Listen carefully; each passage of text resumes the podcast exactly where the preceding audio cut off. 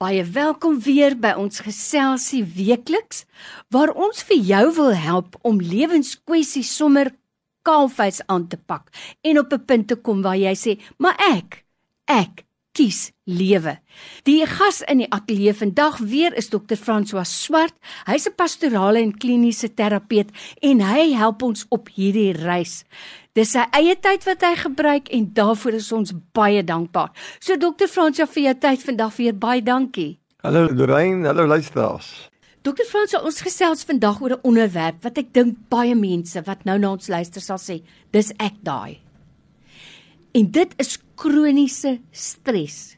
Nou kan dit my partykeer so vererg as hierdie mense amper van 'n uh, die voortoring afstaan en sê moet nou nie kroniese stres hê nie. Dit vergiftig jou liggaam. En as ons kyk na jou brein wat soos 'n boom is as jy stres dan gee dit gif in die een kant van daai boompie verwelk sommer so dan dink ek dis baie keer maklik om te praat. Daar is tye wat ons baie stres het. So wanneer praat ons van kroniese stres. Kom ons begin daar. Ja kroniese stres is ook baie goed beskryf in die literatuur.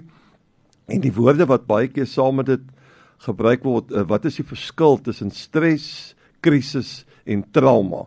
En baie keer moet ons ook daaroor praat, maar ek dink kroniese stres, ek dink in die woord kronies lê die aanhoudendheid daarvan hmm. en dat dit kom oor 'n lang tydperk en dit bou op in die liggaam, daar's te veel adrenalien word kortisol, die kortisol gaan na die brein toe en eet al die goeie hormone die serotonien en die oksitosin en endorfine dit word opgeëet en ons psigiaters help ons gewoonlik daarmee.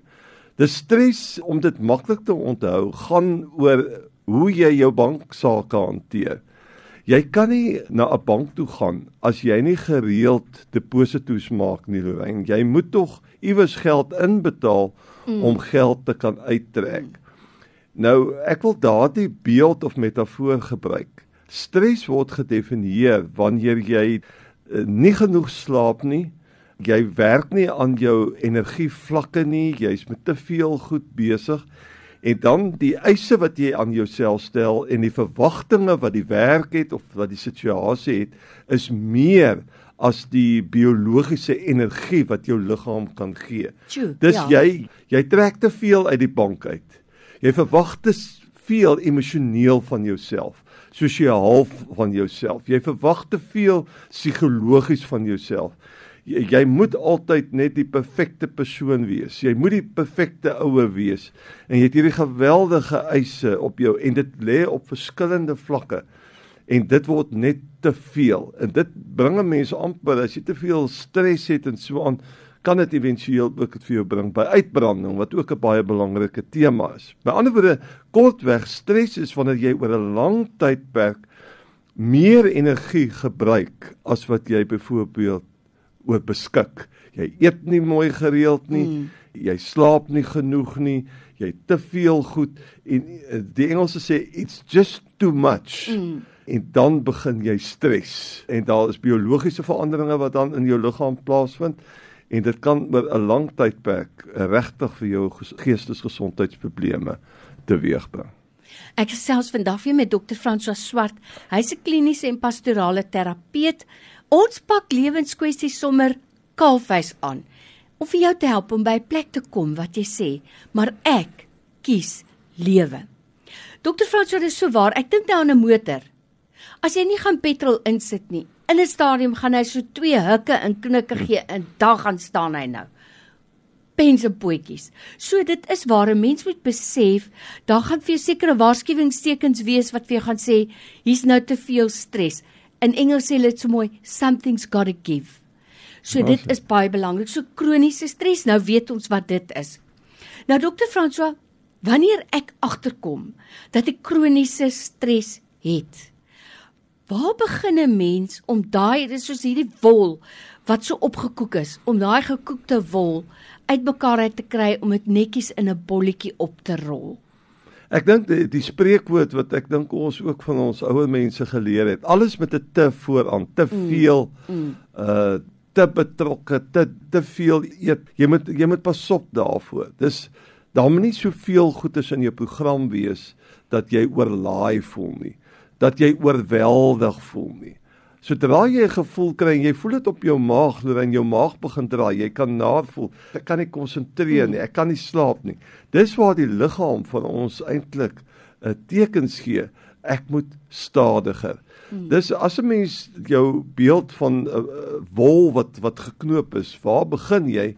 Is jy moet maar by 'n punt begin en en net kyk of jy hom 2, 3 keer deur sy knopies kan trek en geleidelik 'n ander wolletjie maak wat wat dit baie mooi netjies opgerol word. Dis jy moet jouself stop en jy moet dalk weer 'n stuk papier uitkry en sê wat is die goed waarmee ek nou op die oomblik alles mm. besig is. Skryf dit net neer. Ek wil dit nog doen, ek wil dat doen, ek wil dit doen en voordat jy kom kry, sien jy my ek sit met 'n bladsy vol goedes hierso. En wat ek nou van myself verwag om al hierdie goedes binne hierdie volgende week te doen, is net onmoontlik. En dan vir myself toe kom sê, kom ek wees meer realisties. Kom ek breek my dag in drie groot gedeeltes op, die oggendgedeelte, die middag en die aand, en ek gaan net twee goedes 'n sekere tyd van die dag doen. En dan gaan ek daai boksie tik, dan weet ek ten minste ek het 6 goed vir dag gedoen. En so maak ek 'n indeling en 'n beplanning van my lewe. Dit is hoe ek die wollerigheid wat jy net van gepraat wat so geknoop is, stelselmatig begin ontknoop en ek werk met 'n plan. Maar uh, om net die heeltyd van een ding na die volgende ding na die volgende ding te spring om nie tot stilstand te kom en altyd as 'n dag of 'n week of 'n maand begin. En ons beweeg nou in hierdie tyd. Ek sien nou by ons boekwinkels en so aan. Die dagboeke is weer beskikbaar. Mm. Gaan na enige een van hierdie boekwinkels toe. Daar is 'n wonderlike beplanner waar jy uh, die hele jaar hy's in 'n boekvorm en jy blaai net so 6 keer maar dan sit jy die hele jaar. Mm, Daaroor as jy mm, die boek oopmaak, mm. dan lê daar 2 maande ja, voor ja, jou. Ja, ja. En weet jy dit is baie goed vir ons praat van visualisering om te sê wat wil ek bereik en wat wil ek doen en waar wil ek by uitkom die volgende 2 maande? En skryf dit neer en jy gaan self op daai papier sien hoe jou lewe en sy ritme begin vorm aanneem. En dan kan jy verskuiwings maak. Sê maar ek kan mos nou sien op hierdie stuk papier, hier het ek te veel goed in. Uh my prioriteite is nie hier reg nie. Dis gaan sit en skryf, doen beplanning. Uh, Daar's wonderlike hulpmiddels wat jou kan help. En ek ek wil graag 'n lansie ook hier breek uh, rondom streshantering vir ons arbeidsterapeute. Mm. Arbeidsterapeute, die hele beroep van van arbeidsterapie is 'n terapie hoe om jou arbeid te orden in 'n meer uh, realistiese manier.